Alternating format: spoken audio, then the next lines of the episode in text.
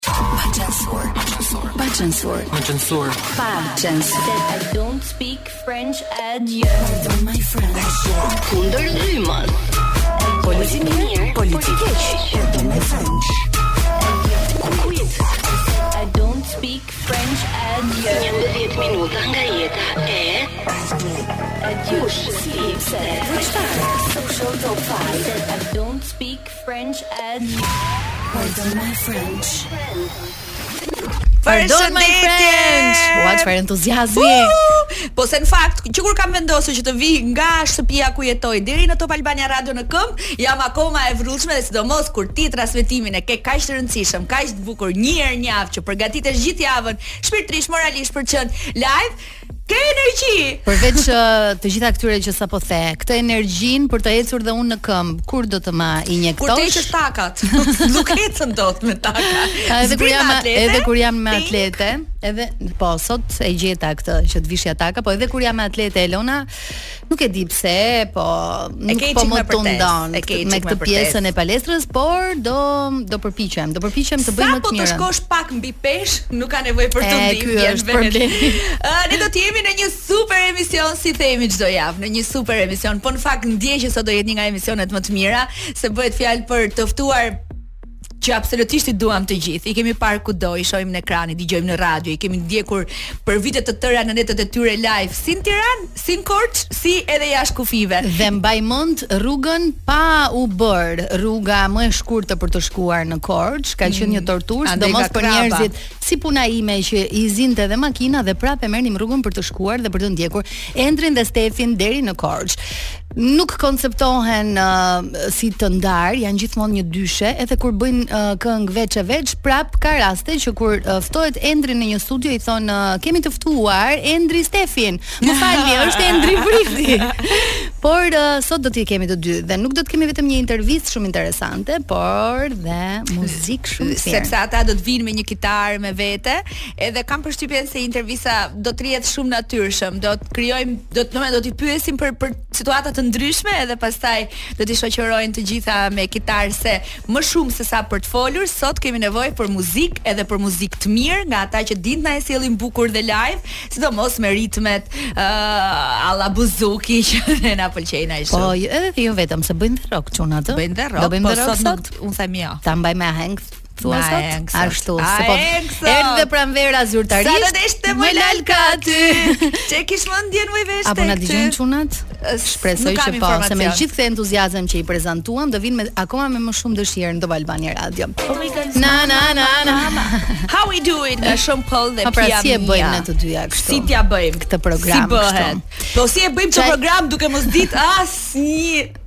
Jo fjalë, po llaf në frëngjisht.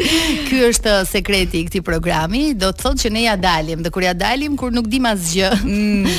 Gjërat e tjera ku kemi njohuri, pastaj i bëjmë Tani, lajmet showbiz që ti i qan me lot. Un si autore, moderatore, skenariste, skenariste, programi, showgirl, ku di u ça emrash të të vë ty, po në fakt ashtu është.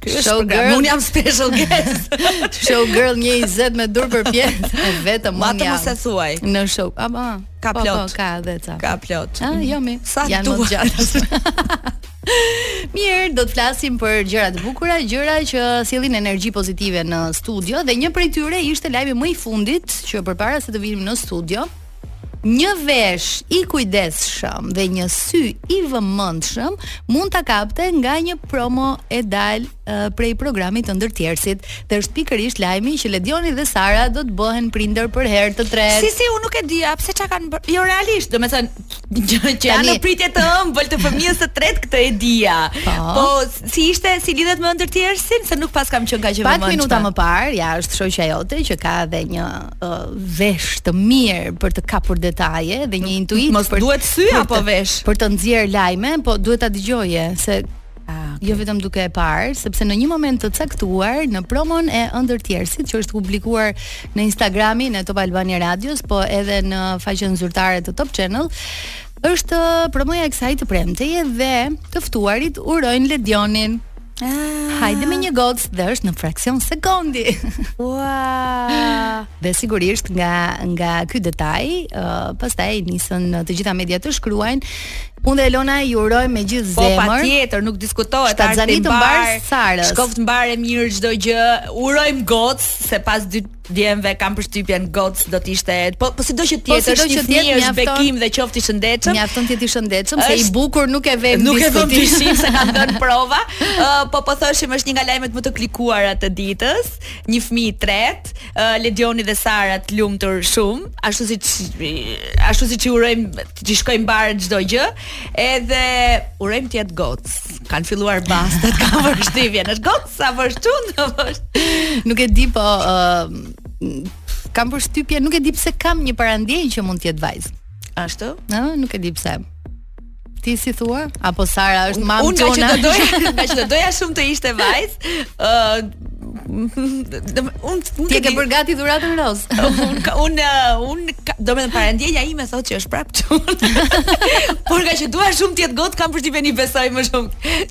që që do jetë kështu. Gjithsesi, ë, përtej të gjitha shakave edhe ne urojmë që çdo gjë të shkojë mbarë e mirë edhe të vijë mbarë bebushi. Tani uh, Wizi ka bërë gati këngën Follow Me. Unë do të ftoja ty të që që të ndiqje Sarën dhe Ledionin, sepse ah!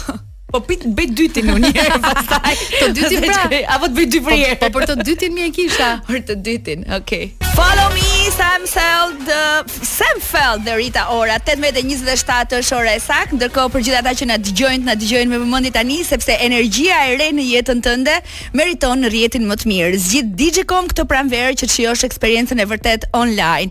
Informohu për paketën e preferuar në website-in digicom.al ose në dyqanet Digicom. Digicom The Real Fiber ju ndiqni të gjitha të dhënat në sajtin e Digicom dhe do të merrni aty çdo informacion të mundshëm për energjinë e re në jetën tënde që padyshim meriton rrjetin më të mirë që është Digicom. Puntatën e kaluar ne kishim një të ftuar shumë të ëmbël dhe shumë speciale, që është Miriam Cani, e na premtoi që edhe pse na dha ekskluzive që për herë të parë do të vinte një projekt shumë i dashur për të, që ishte një ninullë, u publikua uh, shumë pak ditë më parë dhe ne sot do të përpiqemi ta kemi në një linjë telefonike me Miriamin. Mos duhet të shkruaj unë një herë përpara se ta hapë? Domethënë kemi folur, po për ta prezantuar vetë ninullën e saj fantastike, që ishte Uh, nuk di nuk, nuk e gjej dot fjalën e mhm. duhur për ta përshkruar, po të jepte një emocion shumë të veçantë, sepse jo vetëm që është e krijuar nga dashuria, por edhe videoja e përshtatur mjaft mirë me ato beba. Shumë e bukur ishte, shumë si prezantim shkurt, ishte shumë nice. Dhe në fakt, unë në, në muajt e parë të ardhjes në jetë të Thomas, gjithmonë më ka munguar një një, ninullë, një këngë dedikuar fëmijëve në shqip, ardhur aq bukur, aq pastër,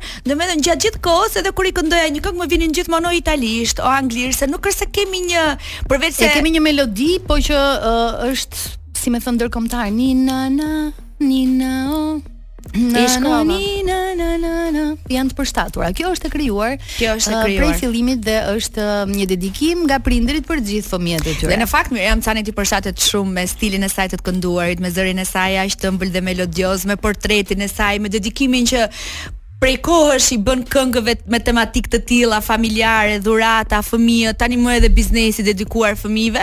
Kështu që me sa duket e ka përmbyllur të gjithë atë cirkuitin e saj familjar, kryesisht fëminor, edhe me këngën Nina Nana me këtë ninullë, të parë do thoja unë të mirëfilltë, ndoshta edhe gaboj, po në kujtesën time këto këto kohë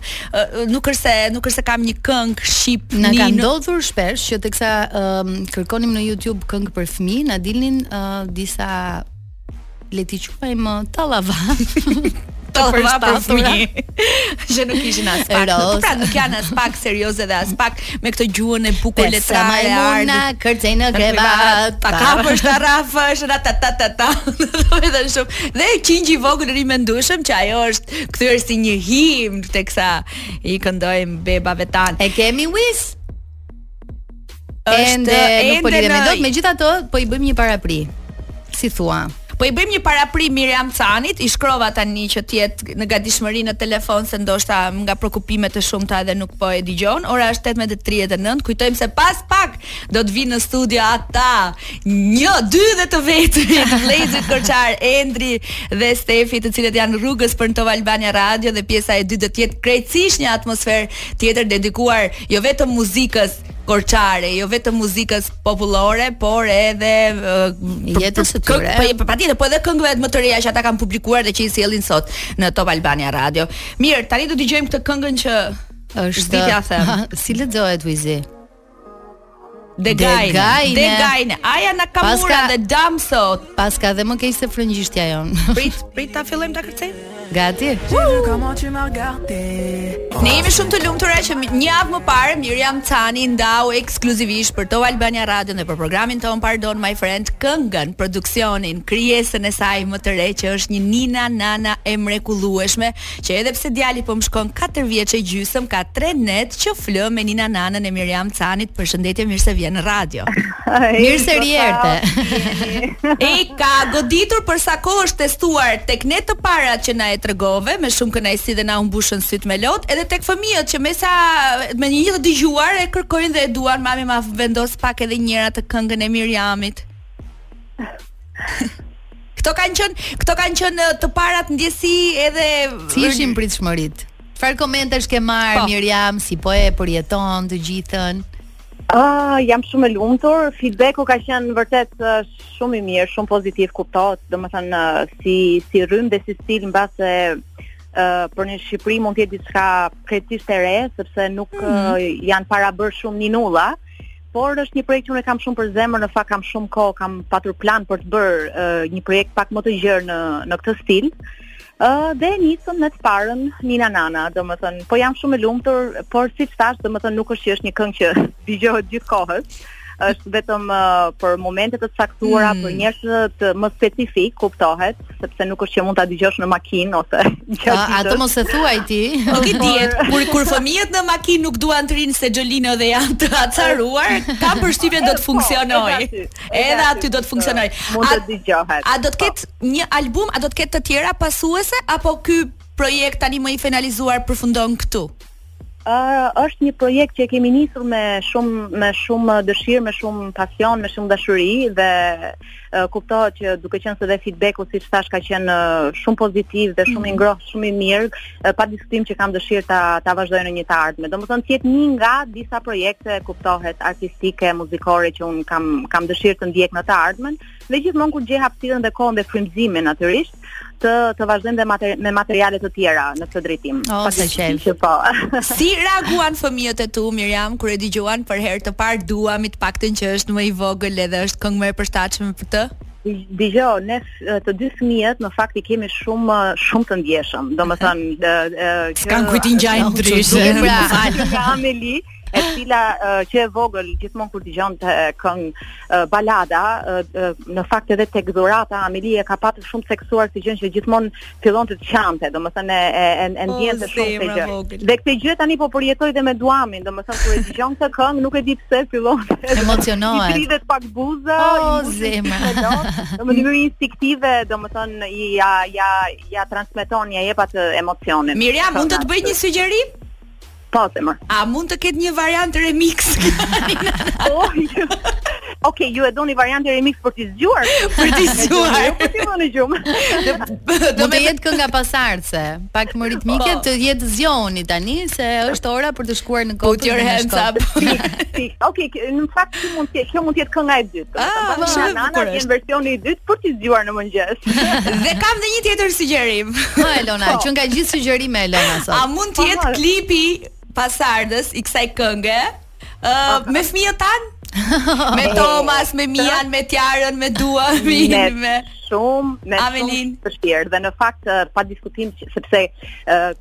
Ky, domethënë, nuk ka qenë një projekt, le të themi, i kuruar dhe në këtë aspekt që të ketë patur dhe një videoklip, ka qenë një gjë më shumë edhe në kontekstin e siç unë e kam përshkruar edhe në tekstin e prezantimit të këngës në lidhje pak edhe me me Mimin i cili mbushi një vit mm -hmm. pikërisht pra, ndaj ka qenë në kontekstin e gjithë e gjithë kësaj gjëje por që për videon e dytë, për këngën e dytë që do krijojmë pa diskutim që do jem edhe unë e përfshirë dhe do jetë diçka më e kuruar më e kuruar mirë. Okay. Mund të vim tek shtëpia jote të bëjmë një party me fëmijët. Po, pa diskutim, do marrim skenat më të bukura të fëmijëve. uh, unë e thash që Miriam Cani duket sikur ka përmbyllur një cirkuit të të asaj të të, të këtyre krijimtarive kaq artistike. Pra kënga dhurata, pastaj dedikuar fëmijëve një tjetër këngë sa shumë të dua, ardhja e Duamit, biznesi që lidhet me fëmijët, një ninull që është padyshim për fëmijët. A ndjehesh e përmbushur? A të duket sikur e mbyll atë cirkuitin apo ka ende krijimtari edhe të tjera gjëra që do të pasojnë po lidhur me tematika të tilla familjare, fëmijët, bashkëshorti? Pa diskutim, pa diskutim që ka ende shumë për të dhënë, unë siç të thash dhe më parë. Do bëj albumin pra, do ta vazhdoj. Po, e, jo, e shoh dhe si një fushë në fakt e cila ka mungesë në Shqipëri, po, domethënë shumë e vërtetë. Shumë jemi tek pjesa komerciale, domethënë këtu do bëja diçka thjesht për të vazhduar një gjë që ne e dëgjojmë me qindra herë mbase në ditë të materialeve mm -hmm. muzikore që vijnë gjatë gjithë kohës të sezoneve të caktuara. Unë mendoj që uh, këngë të tilla për shembull janë më pa kohë, domethënë mm -hmm. t'i mhm. dëgjon edhe në afatgjatë mbase edhe më shumë e ndjen atë kënaqësinë, është një gjë që ti dhe mbas shumë shumë vitesh do vazhdosh ti, domethënë do ta ketë atë jetëgjatësinë e vet sepse nuk është një këngë sezonale ose për një po, po. diçka të caktuar, është diçka që transmeton thjesht atë diçka që do të mbetet. Dashurinë edhe është nëna do vazhdojnë do lindin beba, fëmijë, po, domethënë po. atë dashurinë ti gjithmonë do ta ndjesh ndërmjet materialeve mm. muzikore të tilla, të cilat sipas mendimit tim domethënë nuk është që ekzistojnë shumë dhe ka vërtet hapësirë dhe vend për pse jo për të mbushur domethënë dhe një sektor të tillë. Patjetër, ah, patjetër. Edhe është shumë largpamëse si mendim, si krijimtari artistike, por edhe si biznes tek e fundit s'është keq. Po pa diskutim. Unë mendoj se kjo është është një gjë që do jetë një pasuri të paktën për sa i përket edhe për për jo, për edhe për karrierën time artistike, mm. do jetë një gjë që që do mbetet. besoj. Do mbetet në të ardhmen duke qenë se ne do ta vazhdojmë si linjë, si gjë do ta kurojmë. Mbase pse jo ndonjë material mund ta kem dhe me Albanin bashk, domethënë brenda konceptit të albumit që do jetë me ninulla për shumë qejf. Kështu që do ta zhvillojmë gjithmonë edhe më shumë. Tani e testuam pak me me me këtë materialin e parë dhe jam shumë shumë e lumtur. Zemër, të puthim fort. Yll të falenderoj. Ne do bëhemi gati tani ta dëgjojmë ninullën, e ka bërë Wizi uh, gati për ta ndjekur dhe për ta shijuar në Top Albania Radio. Të urojmë gjithë të mirat. Faleminderit. Edhe shumë. puthi pak dy frymëzimet e tua. Edhe për çdo zhvillim të ri, ti e di që je e mirëpritur në radio për t'i promovuar edhe për t'i bërë më të dëgjuar. Faleminderit, të mbarë. Ju përqafoj. Nina Nana, Nina Nana, Miriam Cani, më vjen shumë mirë që ka këngë të tilla dhe që qingji i vogël nuk rri më mendueshëm be be ba, po ka këngë të reja shqip të bukura për voglushët tanë. Afro pak më shumë Stefi? Okej, okay, shumë, po. shumë mirë tani. Ë uh, po po thoja me Jonidën që shumë prej nesh e kanë njohur, e kanë dashuruar edhe kanë ardhur shpesh në Korçë vetëm për ju. Kjo është një e një bëjnë dy, është më se e vërtetë. Atëherë Korça. Në vitet 2000 Korça ishte një qytet shumë shumë i i lënë pas dore. I lënë pas dore, me edhe kur vinim në Tiranë thoshin pe Korçë je ti, ishte ja i lënë, i lënë pas dore fare fare, pastaj ne e rindërtuam dhe ishte ishte një periudhë shumë e vështirë për qytetin tonë. Domethënë nuk e njohim Korçën nga Eli Fara, nga vetëm po, po, jo se Eli Fara vinte në Tiranë zemra.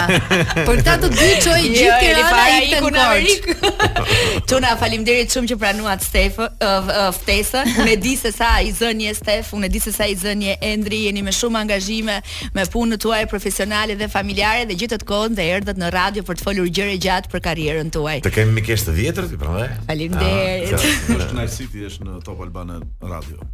Është një uh, moment shumë interesant ai që kujtuam ne, sepse menduam që këtë intervistë me Endrin dhe Stefin ta nisim që prej fillimeve të tyre. Ashtu do e nisim ne. Ju e keni nisur pikërisht jashtë kufijve të Shqipërisë dhe pastaj vendosët të ktheheshit, jo vetëm që ta kthenit Korçën si një destinacion fundjave, por edhe t'i jepnit ato ngjyrat uh, që le të themi kishin mbetur vetëm serenatave, po i dhatë të tjerë të tjera një Po ritëm, i dhanë ritëm, i dhanë jetë. Atmosferë. Neve nuk e kemi nisur mbas jashtë shtetit, e kemi nisur para se të iknim jashtë shtetit. Mhm. Mm a i ka Që të vegjël, që fëmijë e kemi. Atëherë, intervista ah. fillon kështu. Ah. Cilat kanë qenë fillimet tuaja? Domethënë, ah, cila ka qenë mosha që shkuat në një audicion, që u bët pjesë e muzikës, që filluat të merreshit me këngë? Shiko në atë kohë nuk nuk është se kishte audicione, kishte festivale. Festivale. Ishte një festival dhe Festivali i Pranverës, domethënë këto mm -hmm. dy ishin atë kohë.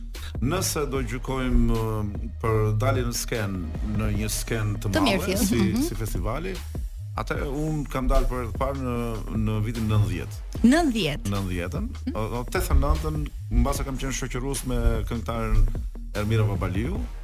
Por si solist kam qenë me një këngë të Ilir Dangëllisë, edhe të muzika Ilir Dangëllia dhe tekstin Irma Kurti. Okej. Okay. Që tani është bërë një poete shumë e famshme. Tani kjo ishte në... një dalje publike serioze e madhe. Unë flas kur keni qenë të vegjël më kështu në Korçë, në shkollë, në në në po Endrin e more ti apo t'u ngjit?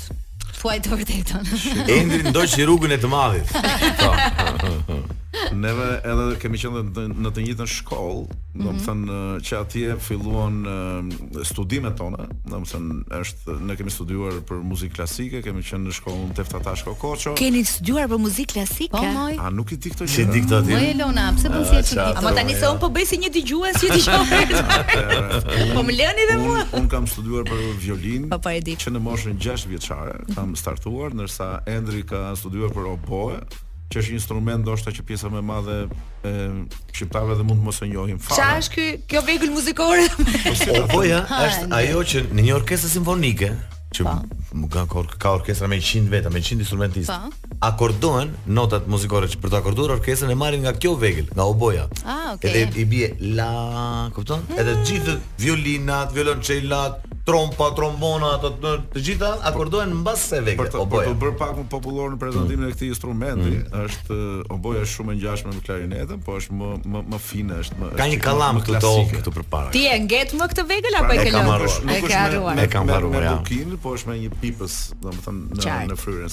Po ky zëri fantastik domethën kur u zbulua. Domethën se me veglat muzikore okay e nisët uh -huh. në shkollën e muzikës. Unë kam kënduar që në çerdhe. Hmm. E shikon ta kaloj Stefi. Po, po, po. Ka nisë në çerdhe. Ishte ai ka kënduar që pa lindur fare. Bravo. Që në bark të nënës. Sa për informacion. Po këtë e dinë që të gjithë. Unë jam 4 vjet më i madh se Endri, ah, kështu që imagjinoni kur ka filluar Endri të këndojë dhe Kur kam filluar unë. Ja ja ja sa për informacion se ta kam thënë ti po Rondi Stefan. Po, vazhdo. Po. Se vdes kur i thon Stefan. Edhe ishin ato kohët atëherë kur ishte xhaxhi Enver, edhe bëheshin kështu parada në në qytet që. Mhm. Festoheshin të shkollat, mësues, mësuesit edhe këta dilnin në në no, pedonale të tani. Që në bulevard që të gjithë që të prisin xhaxhin Enver. Edhe bëhej edhe koncerti aty me pionerët, me me me këta me fëmijët. Unë kam kënduar që në çerdhe mbaj mend e kisha veshur një kostum popullor nga këto të këtyre me ato që kanë pra jemi atë? kemi kënduar në në në kopsht, domethënë po, pra, po, se aty në... kemi fotot e para kur ne ishim të Që në fëmijërinë e hershme. Edhe Endri dhe unë se edhe në të njëjtin kopsht kemi qenë, ah, se aty ah. të në lagjen tonë, domethënë. Prandaj nuk konceptoheni si veç e veç ju, edhe kur bëni këngë solo, ha? Kemi foto të veshur me me fustanella. Me fustanella me me ato papuçet me kështu me me xhufka. Me xhufka, bravo, bravo. Kush kishte më shumë sukses me gocat në atë kohë? Po në çerdhe? E, no jo, në kopsht, në kopsht në shkollë fillore, kush ishte kështu më më qejfliu, më i spikatur, më i gjuajtur nga korçarkat. Stefani ishte i suksesshëm. Ashtu ë? Po, po, i rrezikshëm që mos e shikon. Po pse pse ne kemi përshtypjen që je ti ai? Po pastaj më më vonë, më vonë.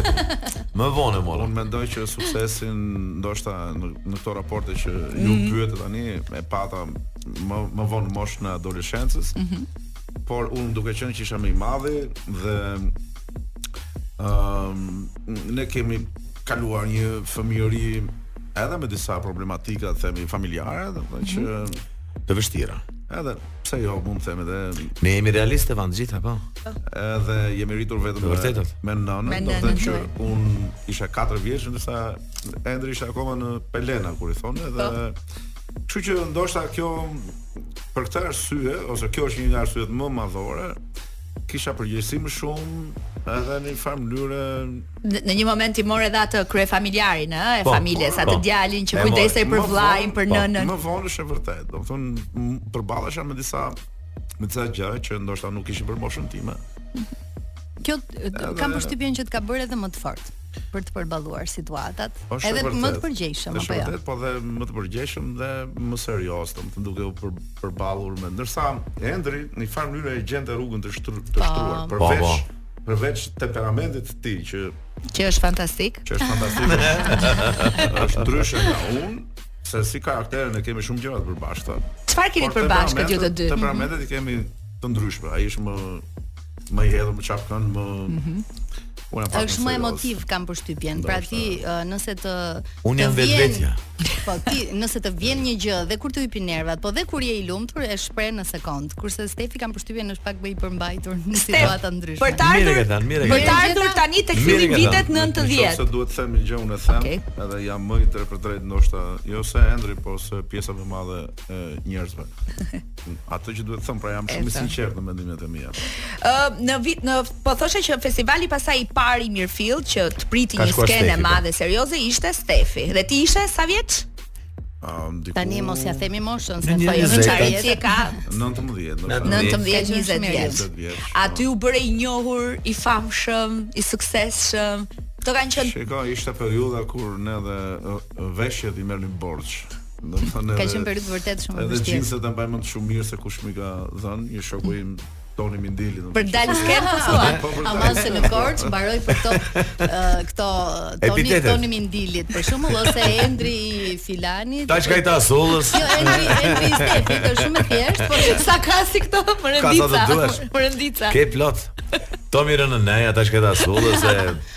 Ose qepa, Gjezi, se që kemi ca. Ke, ke, qepa. Qime ka qka valli. Po mi ati. Po, është dikur që i po, po, trazim të. Ka. Po Stef, edhe në vitet 90 veshë një palë gjinse, hipe në skenën e festivalit të pranverës. Një një këmishë me kuadrata, që ose edhe kam kënduar këngën, prezantimin e parë të autorëve, nësa titulli ishte fatin në... Si ishte kënga, ma kujto pak.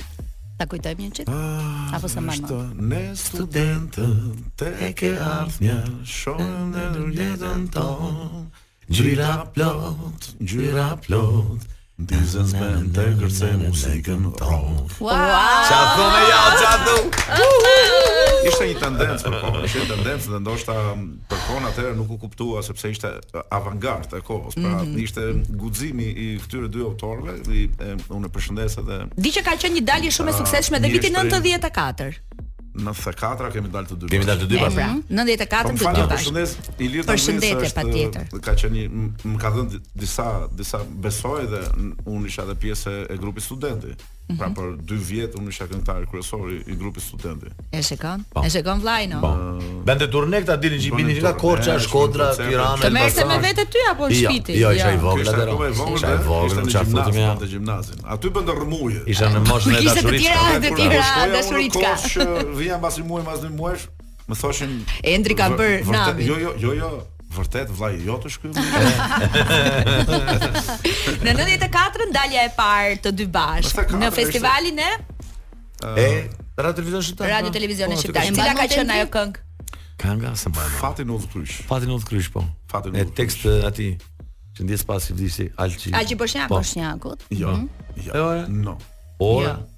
Jo, tekstin e ka, e ka shkruar është një gazetar, jo, është një vajzë. Po më atëri në veshje bën çik ndon. Ai ishte apo ishte udhëheqës artistik, udhëheqës artistik. Ah. Okej. Po e mbani mend si si, si ishte kënga? Jo. Po jo, mos mbash mend këngën e parë në festival. Po mban mend këngën e Endrit të parën dhe nuk mban mend të parën që kemi kënduar bashkë? Jo. Jo. Dje ishim në një emision tjetër me një kolegun tonë, edhe kam bërë një këngë tjetër unë, kur në vitin 3 gjimnaz.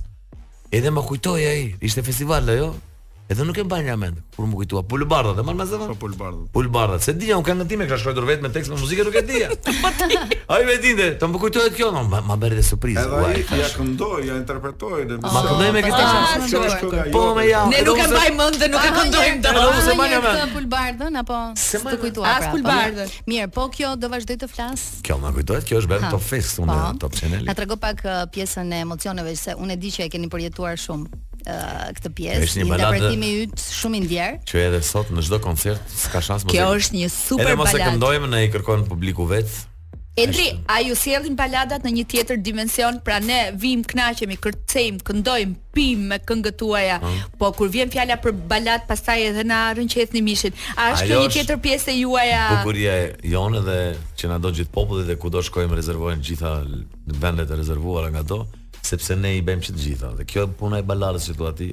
Kjo është ajo që nuk e bëjnë asnjë këngëtar tjetër, që të shprehet live Mm. Këndon me me shpirt sepse koncertet në Shqipëri jo, bëhen. Jo, nuk themi asnjë këngëtar tjetër, po ka, ka, ka, ka, ka plot, po. Të pakët këngëtar që Të pakët janë po. Këto janë një armë jonë shumë e fuqishme baladat tona, se nuk është kjo, kemi kemi mbi 6-7 balada tepër të fuqishme. Por ne duam, njohim dhe kemi duartrokitur shumë në pallatin e kongreseve, Do vazhdoj të flas, dëgjojmë pak sekonda të mund sa të kthejmë dhe një gotë Do të ku vjen te uçi spitali. Po të kthy, po kthesh te fali. E do ta pyesim, po ja, ja se kthehemi. Më kur. O zot sa e bukur është. Shumë e bukur. Do vazhdoj të flas është një nga baladat jo më të bukura tuajat, po një nga baladat po, më të bukura. Po ju them dhe një sekret, në periudhën e Top Fest 8-s, unë drejtoja programin Një këngë për ty në Top Albania Radio dhe nuk kishte ditë të perëndisë që mos kërkohej uh, dhe me një listë të gjatë emrash, vinin shumë telefonata dhe Endri do vazhdoj të flas, sa fillova të ata që e kërkonin i njihja dhe nga zëri dhe thoja alo përshëndetje Top Albania Radio uh, dua një këngë po Endri do të vazhdoj të flas e të nga zëri ti i dalloja prap nga zëri ej çuna 94 festival pastaj çfarë erdhi Ne pastaj vazhduam uh, jetën tonë në Greqi. Në Greqi u larguat pastaj nga Shqipëria. Edhe, edhe nëntëdhjetekatra ishte një rastësi sepse ne na ktheu policia, domethënë na mhm. kapën mm -hmm. në një Si ju ktheu policia më? Na kapën duke kënduar. Duke kënduar. Ah. Në skenë, ah, ke na rrethuan. Pse nuk lejohet të këndosh? Po nuk kishim dokumenta në atë kohë, domethënë sepse A thua në Greqi? Ah, po, okay. Po, Mendova se ju erdhën në festival. Jo. jo Tash kanë bërë të shkrit. Okej. Nuk zgjati shumë pra qëndrimi juaj i parë në Greqi. Qëndrimi jonë i parë ka qenë nga Endri shkoi i parë 6 muaj para meje në mhm. fund të vitit 91, ndërsa unë shkova pas 6 muajsh. Po. Dhe u kthyem pikërisht në në nëntëdhjetekatrën. Ëh. Mm -hmm. Nëntëdhjetekatrën. Ëh. Mm -hmm. uh, këtu ndodhi dhe festivali. Festivali si e gjetët terrenin kur u kthyet? Por ftesa erdhi vetë, erdhi vetë nga mm -hmm. organizatorët, domethënë ata morën vesh, nuk e di, dinin disa nga sukseset tona në në tokën greke. Edhe nuk e patëm aspak problem. Një detaj që mund të them për për këtë këngën Fati në udhëkryq, ne edhe sot e kësaj dite nuk e dim kush është autori i muzikës. Mm.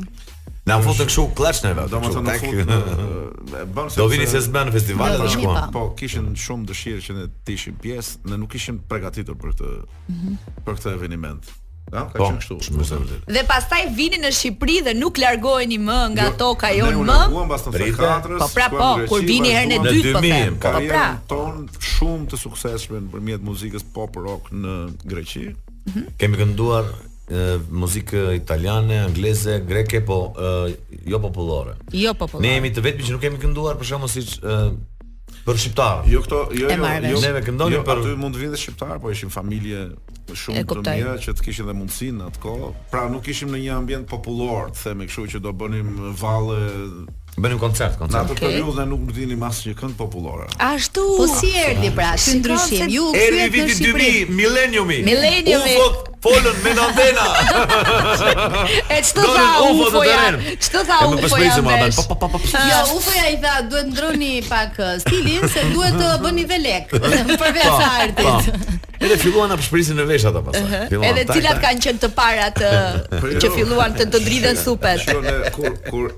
Kur u kthyem në vitin 2000 që bëmë një test në mhm. tek parku Rinia në Korçë. Në Korçë. Mhm. Ëm Skena Park kishte vendosur me emrin e lokalit. Ne bënim atë pothuajse të njëjtin program që bënim dhe në Greqi. Por mbasi kalonin 2 orë ose pak më shumë, kishte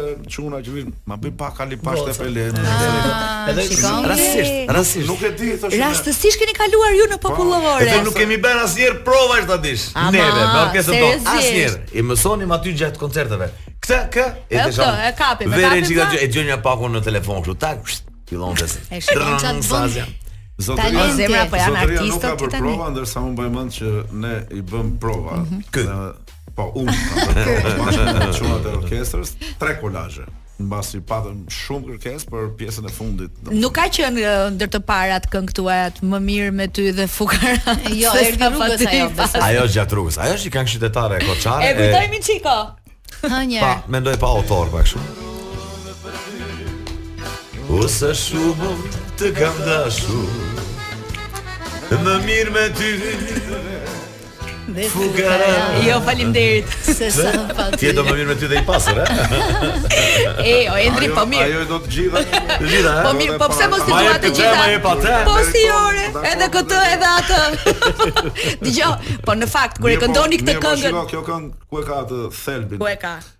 Nëse do të zgjedhësh mes atij që do dhe parasë, mm. kë do të zgjidhje. Këtu është thelbi i kësaj. Jo, jo, pyetjet i bëj unë. Jo, jo, jo. Pyetjet këtu i bëj unë. Është e qartë dhe filozofinë që ka kënga. Shiko, po mirë, ju sot në koncerte besoj e keni ndru, e ndryshuar pak jo, tekstin jo, e kësaj. Jo, jo, jo, fare. Fare, është fare. As për shaka, nuk thoni që më mirë me ty dhe me para, dhe me ty dhe me para. Ndonjë rrallë. Ndonjë rrallë, rrallë.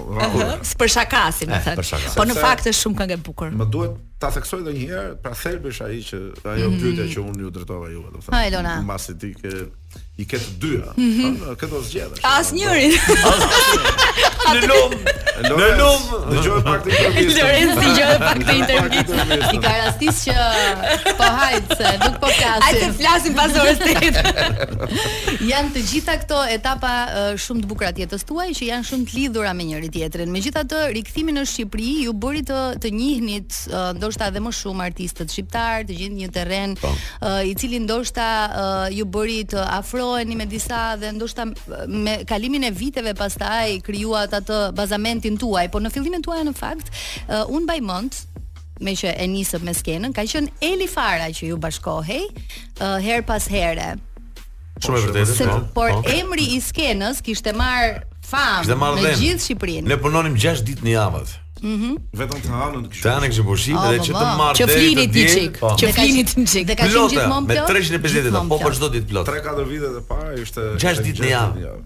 Po si, si erdhi ky kjo ideja apo dhe pse nuk është më?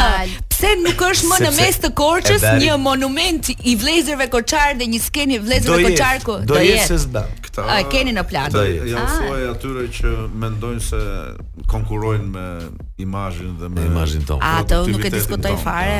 Nuk e diskutoj unë fare. Ne e bëmë neve Korçën. Ka me me dy të majra sa duash. Po, jo po kryetari i bashkisë. E di ça i fusim një publicitet ne. E fusim një publicitet ne se tani u nxehën gjakrat e mos e themi ndonjë.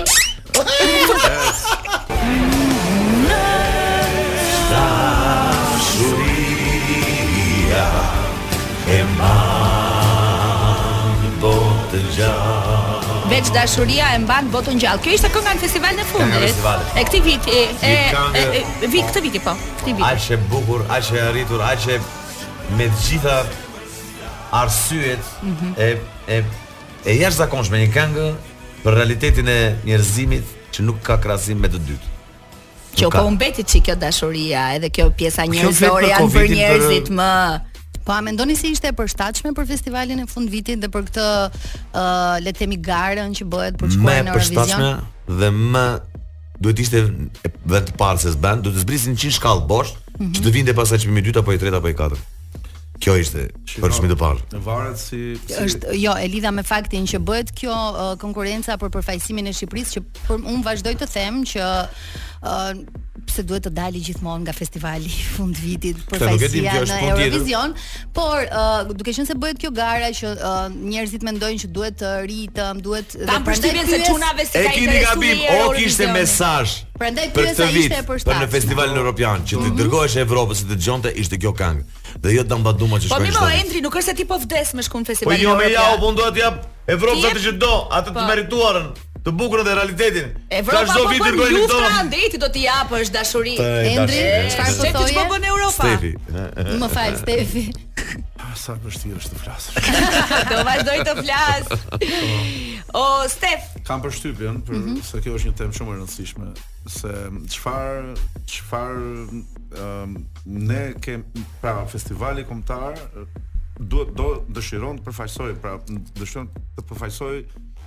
në këtë kompeticionin e në Eurovision. Po, në Eurovision. Në qoftë se ë uh, çmimi i parë i festivalit kombëtar, pra këtu duhen ndar gjërat. Po. Dhe këtu gjërat duhet t'i ndajnë profesionistët, pra duhet të mblidhet një një një një këshill artistësh apo ku di unë se çfarë që të vendosin ne do do japim çmimin e parë në festival vetëm me mendimin se kush bën për Eurovizionin, mm -hmm. apo do i japim si vlerë artistike, domethënë se çfarë vlere ka një një këngë apo një këngë tjetër. E para njëherë, këtu ka vite që këtu vendoset 6 muaj para se kush do fitoj festivalin. Ja, këtë e ta keni me garanci kështu me vulë, bam. Nuk dua të flas për këtë, po kjo kjo kjo është kjo është gjë e parë që duhet duhet evidentuar. Mm -hmm. Sepse konkuron në një festival, siç është festivali kombëtar, që ka një traditë 60 vjeçare në Shqipëri dhe prej disa vitesh ë çmimi i parë vlerësohet vetëm me si thua me me, me kërkesat në thonjza që, mund të ketë Eurovisioni anë. Mhm. Mm Sepse Eurovisioni nuk është tani nuk janë fare me këtë që janë kërkesat e Eurovisionit. Fare fare fare. Ktu është një grup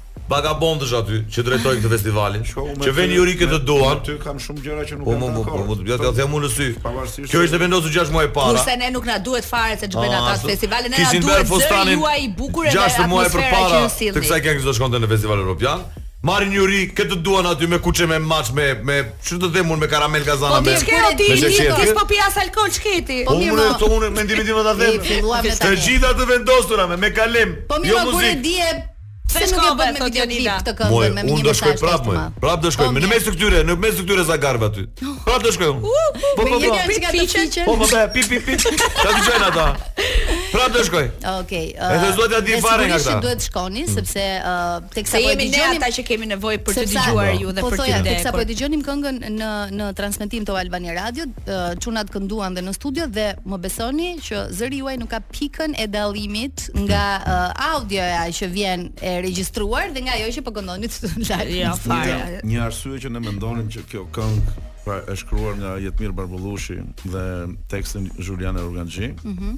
Triumfi i jetës. Uh, kjo këngë mund të përfaqësonte Shqipërinë sipas perceptimit tonë po. gjithmonë Është sepse ajo përfaqësonte në nivelin më të lartë artistik, si muzikë, si tekst, si orkestracion që e, e bëri Shpëtim Saraçi. ë uh, periudhën më të vështirë që ka kaluar njerëzimi në këto dy vite të fundit. Në jo në këto dy vite të fundit. Sidomos, që mbas luftës së dytë botërore, po. pra atë të pandemisë.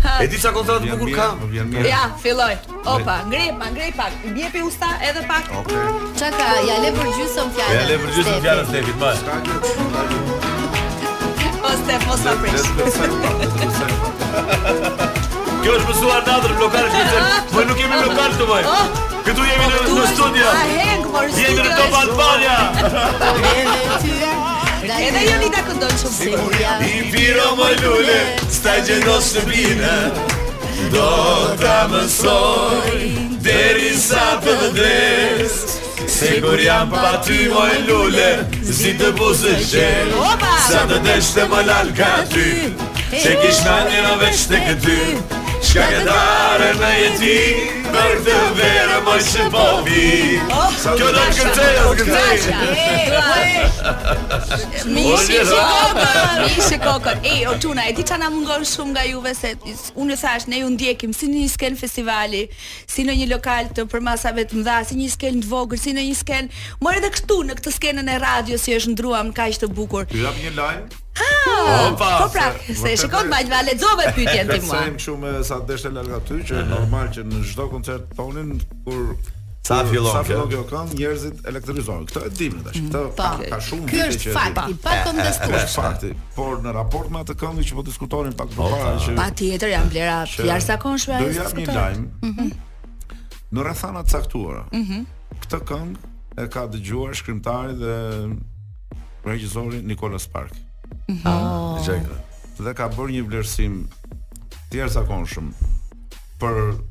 muzikalitetin e saj, se po. dhe interpretimin tonë. interpretimin tonë. Ai po bën një dokumentar për pandeminë. Shumë e bukur, sa e po. bukur. Mm. Dhe siç na është thënë, ka shumë mundësi që të jetë kolona një... zanore. Jo, do jenë disa, sepse ai do po. mund të kenë 4-5 Ka bërë Bon Jovi një këngë për pandeminë. Do jemi dhe ne midis kësaj.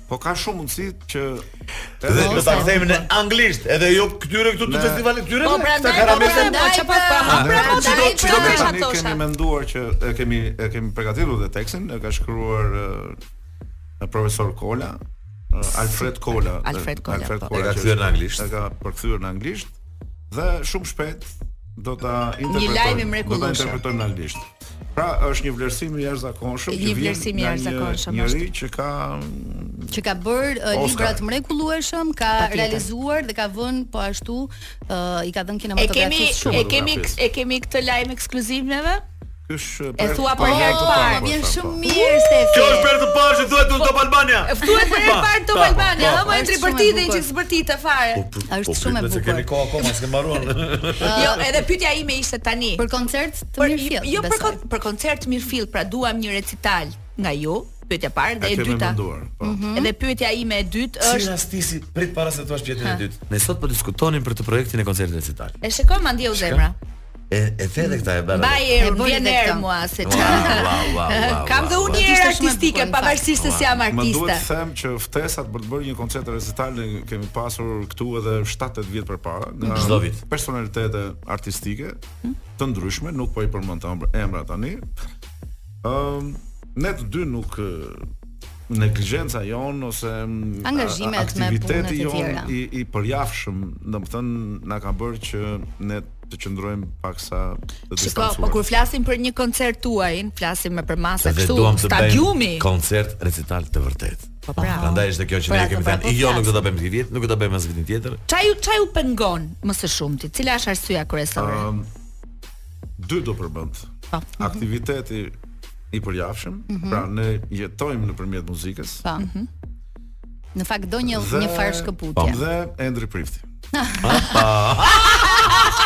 Ti je i vogël apo po, ti? Po. Po. Kjo e dyta, gjysmë 50% është e vërtetë. 50% e vërtetë. Kjo mund të jetë më shumë. Edhe tjetra ishte a mund të keni ju një tempull tuajin ku ne t'ju vijmë t'ju gjejmë gjithmonë aty në një vend që mund të jetë në Tiranë apo në Korçë, po që këtu është monument kulture Endri dhe Stefi dhe ne vijmë trokasim e kemi derën. Për ne do bëhen që të gjitha, të jesh e sigurt. Do bëhen. Që të gjitha. Për momentin ne jemi në lëvizje,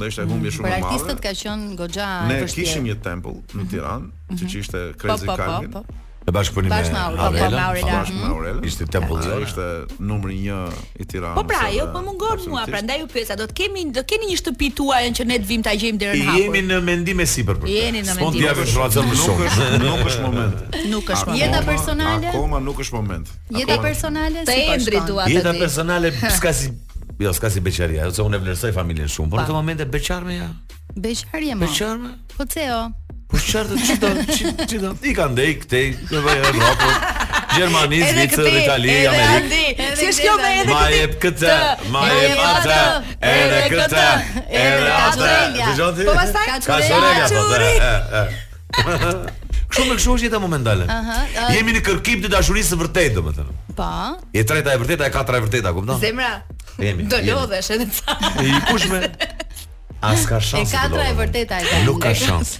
Unë do jetoj edhe 100 vjet të tjera është. O ti mos vdek shkurti nuk do vdesësh kurrë. Është e marrë me ta dëgjoj gjithë publiku e gjindi kam pak. e e bukura e artistëve është që sigurisht që ju urojmë jetë sa më të gjatë dhe shumë uh, e bukura e artistëve është që jetojnë për gjithmonë. Është jetojnë për gjithmonë. Kështu që uh, ky është një një favor shumë i madh që keni ju, ëh, sepse është vlera artistike që lini edhe dhe arti që bëni. Po keni dhe dhe një tip shumë të veçantë. pra, në çdo intervistë që unë kam parë ose në programe që uh, kam qenë pjesë ku keni qenë të ftuar, e ndryshoni totalisht atmosferën. pra, uh, nëse është Stefi që ndonjëherë mund ta balancojë situatën, uh, futet Endri publicitet dhe pastaj Stefi përshtatet, pastaj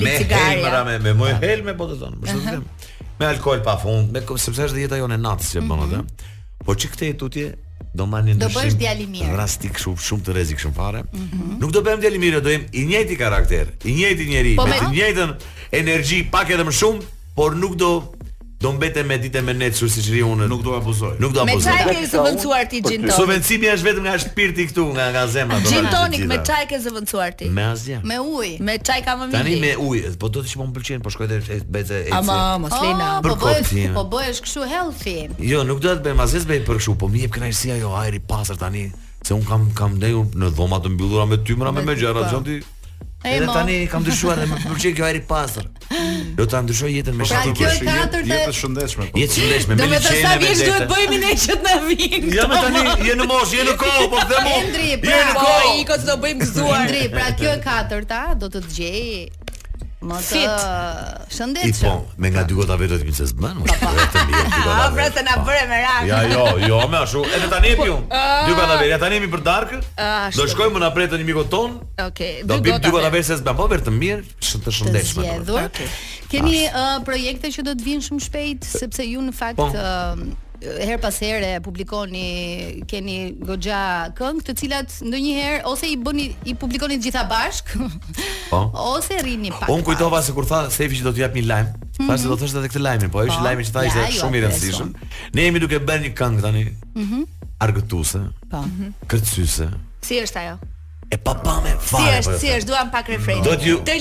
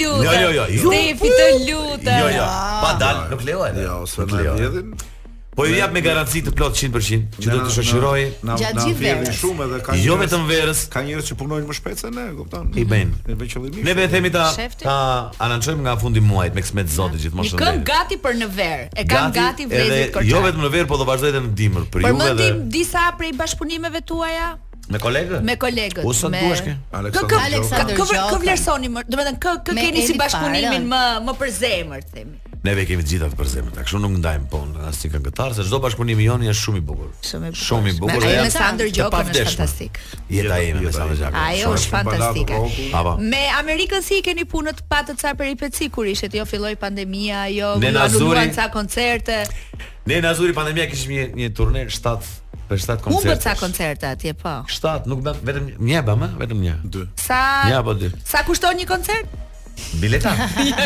Bileta ishte 100 dollarë, 150 dollarë. Po mirë, andaj ka. Ka, ka. Bëj shaka, bëj shaka. Dhe në qoftë se kemi mundësi ne të kursejmë ca para, është pikërisht Amerika ajo që na krijon. Turnet atje që ju pres. Janë të gjitha bashkë. Paguhemi, paguhemi mirë, bëj, por bëjmë jetë të mirë dhe mhm. nuk ke mundësi domethënë të të bësh kursime. Mhm. Pjesa e koncerteve në Amerikë, po. Atje shkoni më shpesh Stef apo edhe në Europë jeni shumë pranishëm?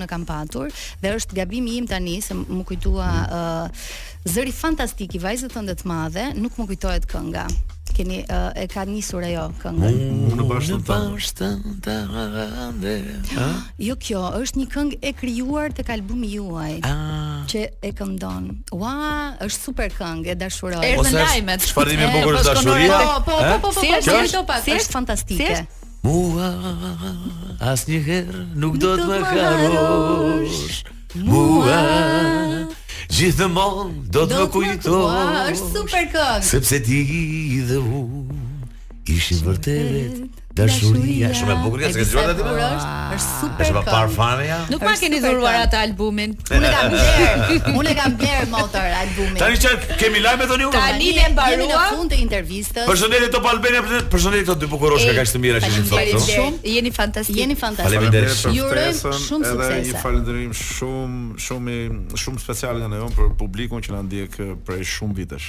Edhe do të ndjekë gjithmonë. Ju faleminderit. Kudo që të jeni gjithmonë, gjithmonë shumë sukses. Se përveç se jeni super artista, super profesionista, ju e keni të shkruar në ballë që jeni njerëz të mrekullueshëm. Për klipin, për klipin e ri, kemi edhe një për klipin e ri në personazhi që do interpretoj pra modelja është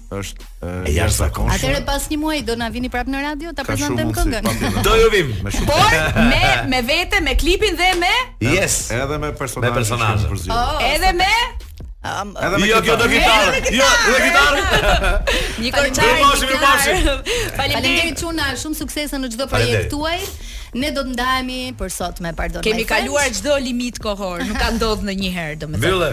Janë lajmet e orës 20, ky është fundi i programit, dëgjohemi javën që vjen natën. Natën e mirë Top Albania.